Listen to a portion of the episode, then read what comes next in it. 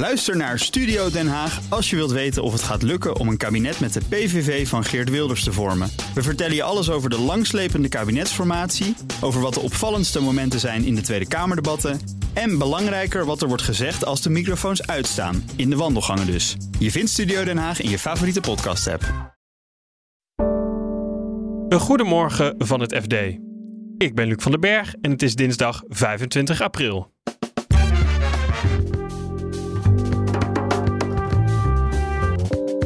Betalingsdienst Ideal gaat binnenkort de grens over. Dan zal die naam verdwijnen en dan gaat het anders heten. Dan krijgen we gewoon een soort van Europese overkoepelende betaaldienst. De koers van Philips heeft de weg naar boven weer gevonden. Ik denk dat het te vroeg is om het zijn brandmeester te geven.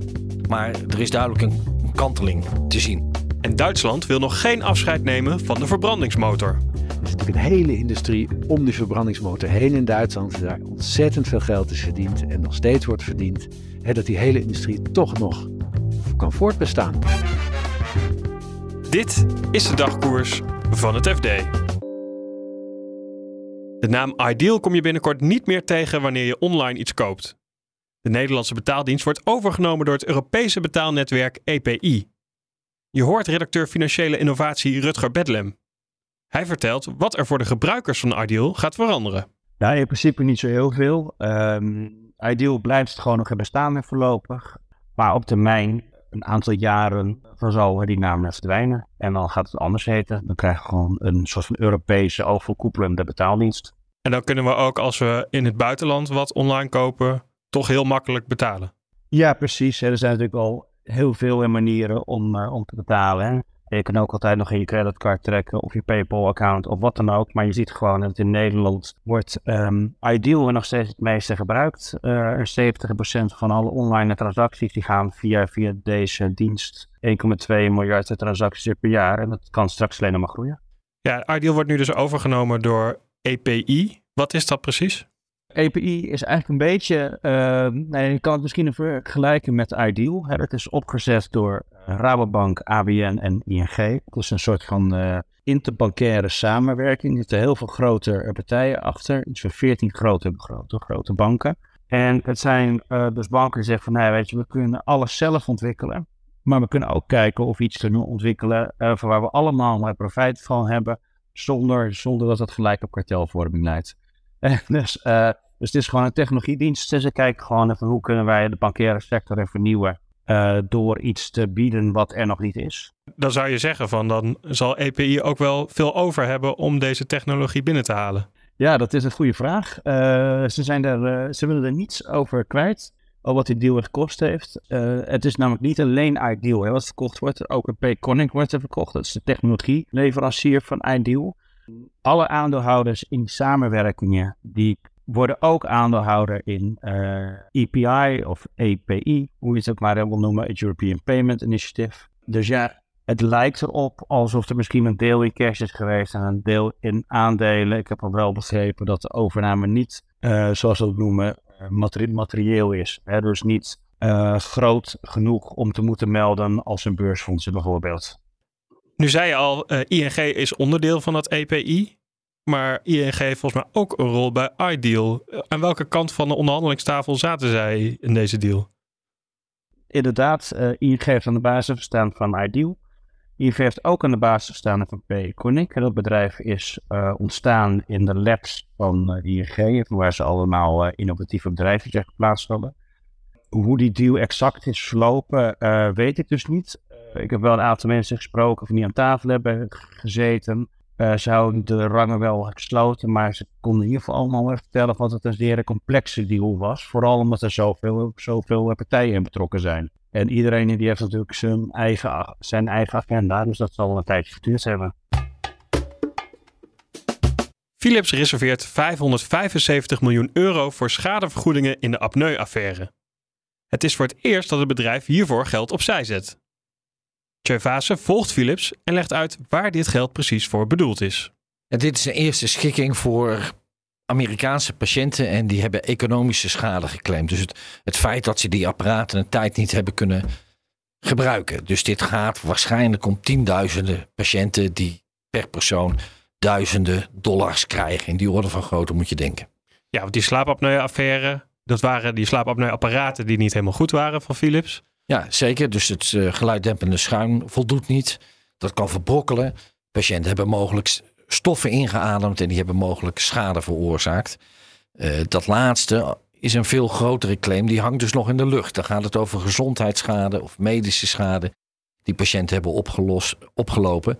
En Philips denkt dat ze op dat gebied pas volgend jaar met meer duidelijkheid kunnen komen over ja, wat gaat dit nou precies het concern kosten aan schadeloosstellingen. Ze durven daar nu nog geen bedrag op te plakken. Nee, omdat ze eh, daar, daar, daar staan ze toch nog wat uh, uh, strijdvaardiger in. Dus dat willen ze eigenlijk nog wel proberen tegen te spreken. Dat die patiënten echt schade hebben opgelopen. Dus dat, daar zit nog meer een conflict, uh, ligt daar aan ten grondslag. Uiteindelijk is Philips natuurlijk ook van plan om daar wel op een gegeven moment ja, uit te komen. Want Jacobs heeft steeds onderstreept. Hij wil ook weer verder. Ze willen ook weer naar de toekomst kunnen kijken. Wat betekent het dat Philips nu 575 miljoen gereserveerd heeft? Is er dan al een deal met mensen die economische schade hebben? Bijna. Dus dat betekent gewoon die deal hangt in de lucht. Dus er moet nog een klap op gegeven worden. Maar kennelijk is Philips heel ver. En ik verwacht dat dat uh, ja, de komende maand of twee maanden zal er dan wel een definitief akkoord uitrollen. Nou ja, dit is weer uh, nieuws over deze hele affaire. Bij vorige berichten zakte de koers vaak. Wat heeft de koers gisteren gedaan? Ja, dat was ik opvallend. Dat was vrij spectaculair eigenlijk, want die is dus meer dan 10% gestegen. Ja, dat zie je niet veel bij een groot bedrijf als Philips. Je ziet soms wel dat de koersen makkelijk in elkaar storten. Hè. Het vertrouwen gaat te paard en komt te voet. Nou ja, nu zie je toch dat er wel een hele grote stap wordt gezet in het herwinnen van vertrouwen met meer dan 10%. Dat is dus te danken. Ik denk dat eh, de markt of de beleggers dus zien dat Philips bezig is om die apneu-affaire op te lossen. En aan de andere kant een opvallend element is, is de groei die de andere activiteiten, de lopende activiteiten van Philips laten zien. Een groei van 6% was toch veel meer dan van tevoren was verwacht. En ook de winstgevendheid is beter dan verwacht. Dus dat betekent met andere woorden dat het verdienvermogen van Philips voor de toekomst is weer een stuk rooskleuriger. Ja, hoe komt dat dan precies dat die winst en die omzet zo gestegen is? Uh, die omzet komt vooral doordat er onderdelen beter leverbaar zijn. Dus de hele wereld heeft kampen gehad met een tekort aan componenten, in veel gevallen chips. Dat raakte Philips hard. Dus Philips heeft eigenlijk een heel mooi gevuld orderboek, maar ze konden niet leveren. Nou, als die componenten er wel zijn, kan je in één keer leveren en dan kan, kun je dus ook flink hard groeien. Nog niet zo lang geleden heb jij samen met collega's een hele special gemaakt over Philips. Waarin ook duidelijk werd dat bij iedere nieuwe topman eigenlijk eerst in een dal kwam en daarna weer langzaam uitging. Heeft Roy Jacobs, de nieuwe topman, is hij nu uit dat dal aan het klimmen? Ja, nou, ik denk dat het te vroeg is om het zijn brandmeester te geven. Dus het is wat vroeg om te zeggen dat Philips uh, boven Jan is. Maar er is duidelijk een, een kanteling te zien. Hè. Er is duidelijk een, het laagste punt is gepasseerd. Of dit zo blijft, hè, of hij dit kan volhouden, deze verbetering, moeten we gaan zien. Maar je kunt vaak heel goed kijken naar de beurskoers. Ik noem die beurskoers vaak wel een thermometer. Dus je ziet een beetje de temperatuur van de patiënt. En je ziet, nu is die koers weer opgelopen van, ik denk op zijn dieptepunt zal het 12, 13 euro geweest zijn. En dat is nog maar een paar maanden geleden. Inmiddels staat hij weer op 20, gaat hij richting 20 euro. Dus je ziet wat een enorm herstel er geweest is. En dat betekent gewoon dat er in, in, in brede kring meer vertrouwen is dat Philips deze ellende ellendige periode die bijna twee jaar heeft geduurd, dat ze dat achter zich gaan laten. De auto met verbrandingsmotor is het kloppende hart van de Duitse economie. Maar Europa wil vanaf 2035 een verbod op de motor in nieuwe auto's. Een lobby voor e-fuels moet de oer-Duitse verbrandingsmotor redden. Duitsland-correspondent Gerben van der Marel vertelt waarom de Duitsers zo graag vast willen houden aan de verbrandingsmotor. Ik denk dat je het Duitse economische succes vooral van na de Tweede Wereldoorlog uh, kan verklaren aan de hand van, uh, van, uh, ja, van die maakindustrie, waar die auto-industrie bij hoort. Dan is die verbrandingsmotor echt het, het hart eigenlijk van, van het succes en de belangrijkste ja, aanjager van, van, de, van welvaart in Duitsland. Ja, maar ja, Brussel wil eigenlijk die verbrandingsmotoren gaan verbieden per 2035. Ja, daar zit een hele geschiedenis achter natuurlijk. De, de, de opkomst van Tesla als, uh, als, uh, met zijn alternatieve aandrijving, hè, de, de, de, auto op de stekker. Uh, de dieselcrisis in Duitsland, hè, die als een bom insloeg en, en ja, aantoonde dat er gesjoemeld werd met die uitstootwaarden. En dat betekent dat die dieselmotor heel erg onder druk kwam te staan. ja, en nu zijn we een paar jaar verder. Ja, en koerst Europa, eigenlijk alle lidstaten, of de meeste lidstaten moet ik zeggen, koersen dus op een, op een ja, afscheid eigenlijk van vervuilende auto's. en dat betekent in de praktijk het, einde van, van de verbrandingsmotor. En daar is lang over gesteggeld, maar eigenlijk lag daar een politiek akkoord uh, in Brussel om dat uh, op 2000, uh, in 2035 om, dat, om dat te beëindigen. Een verbod op de verbrandingsmotor in de nieuwe auto. Hè, dus alle auto's die dan nog uit de fabriek rollen, die zijn dan zonder die motor, die stinkende motor. en daar is Duitsland een beetje op teruggekomen onverwacht. Ja, ze hebben een soort geitenpaadje gevonden eigenlijk hè, in die e-fuels. Wat, wat zijn dat ook weer precies? Ja, dat zijn synthetische brandstoffen uh, die, uh, die gemaakt kunnen worden in een vrij ingewikkeld uh, proces met hernieuwbare energie. En het argument is van, hé, hey, wacht even, dat zou ook wel eens een mooie, eigenlijk een aanvulling zijn op, op dat elektrisch rijden. Hè? Want het is niet zo dat ze opeens helemaal niet meer elektrisch willen rijden. Die autofabrikanten die hebben ook tientallen of zo niet honderden modellen met z'n allen in de maak om ja, voortaan op, op stekker, op stroom te laten rijden. Maar nu zeggen sommige autofabrikanten, en de Duitse overheid is daar meegegaan, we moeten ook voor nieuwe technologieën open, open blijven. Uh, en misschien is die, zijn die e-fuels, electrofuels, zoals het uh, ook wel wordt genoemd, synthetische brandstoffen in goed Nederlands. Misschien is dat wel een geweldig alternatief voor, voor sommige voertuigen. Maar is het qua kosten en duurzaamheid dan vergelijkbaar met elektrisch rijden? Nee, absoluut niet. Uh, daar zijn onderzoekers uh, het nu echt heel erg over eens. Dus ja, dat is iets van zeven keer de kosten van, uh, van rijden op stroom. Stroom wordt ook steeds goedkoper. Hè? Dus de, de, zolang er maar wel groene energie wordt aangemaakt, hè? dat weet je nu. Nou, we weten nu allemaal dat een deel van die stroom in Duitsland nog met, met kolen wordt aangemaakt. Dus dat is als je elektrisch rijdt. Ik heb de afgelopen week een hele week lang door Duitsland ben ik gaan rijden met een elektrische auto, wat, wat een geweldige ervaring is.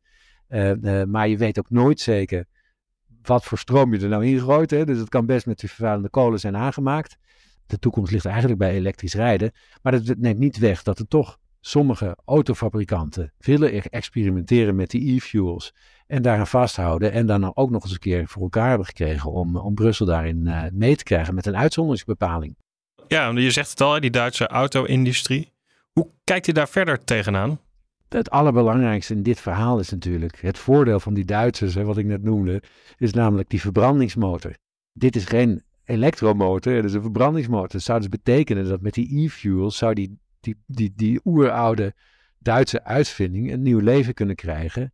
Uh, en dat betekent dat, uh, dat mensen die bestaan, met, mensen die gewoon rijden met een, uh, met een auto met verbrandingsmotor, hè, dat zullen we in 2035 ook zien. Hè, er zullen nog miljoenen, honderden miljoenen auto's op de weg zijn met een verbrandingsmotor, oudere modellen. Eh, die kan je dan eventueel vullen met de e-fuels. Dat kost dan veel, heel veel geld, maar misschien is het dan wel iets goedkoper geworden. En ook voor die nieuwe modellen kunnen dan sommige autofabrikanten zeggen: Nou, we blijven toch maar investeren in die verbrandingsmotoren. Je weet het nooit. En dat zou kunnen betekenen dat die technologie. En dan moet je kijken naar de toeleveranciers. Er is natuurlijk een hele industrie om die verbrandingsmotor heen in Duitsland. Daar ontzettend veel geld is verdiend en nog steeds wordt verdiend. Hè, dat die hele industrie toch nog kan voortbestaan. Uh, dus daar zitten enorme belangen achter. Uh, en het zou zomaar eens kunnen, dus met het geitenpaardje, wat je noemde, in die, uh, met die e-fuels, dat die verbrandingsmotor wel degelijk kan blijven bestaan in de toekomst.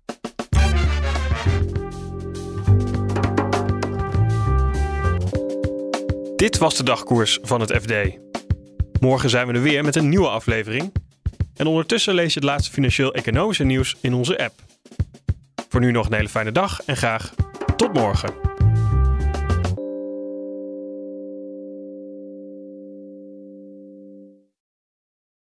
Ook Bas van Werven vind je in de BNR-app. Ja, je kunt live naar mij en Iwan luisteren tijdens de ochtendspits. Je krijgt een melding van Breaking News. En niet alleen onze podcast Ochtendnieuws, maar alle BNR-podcasts vind je in de app. Download nu de gratis BNR-app en blijf scherp.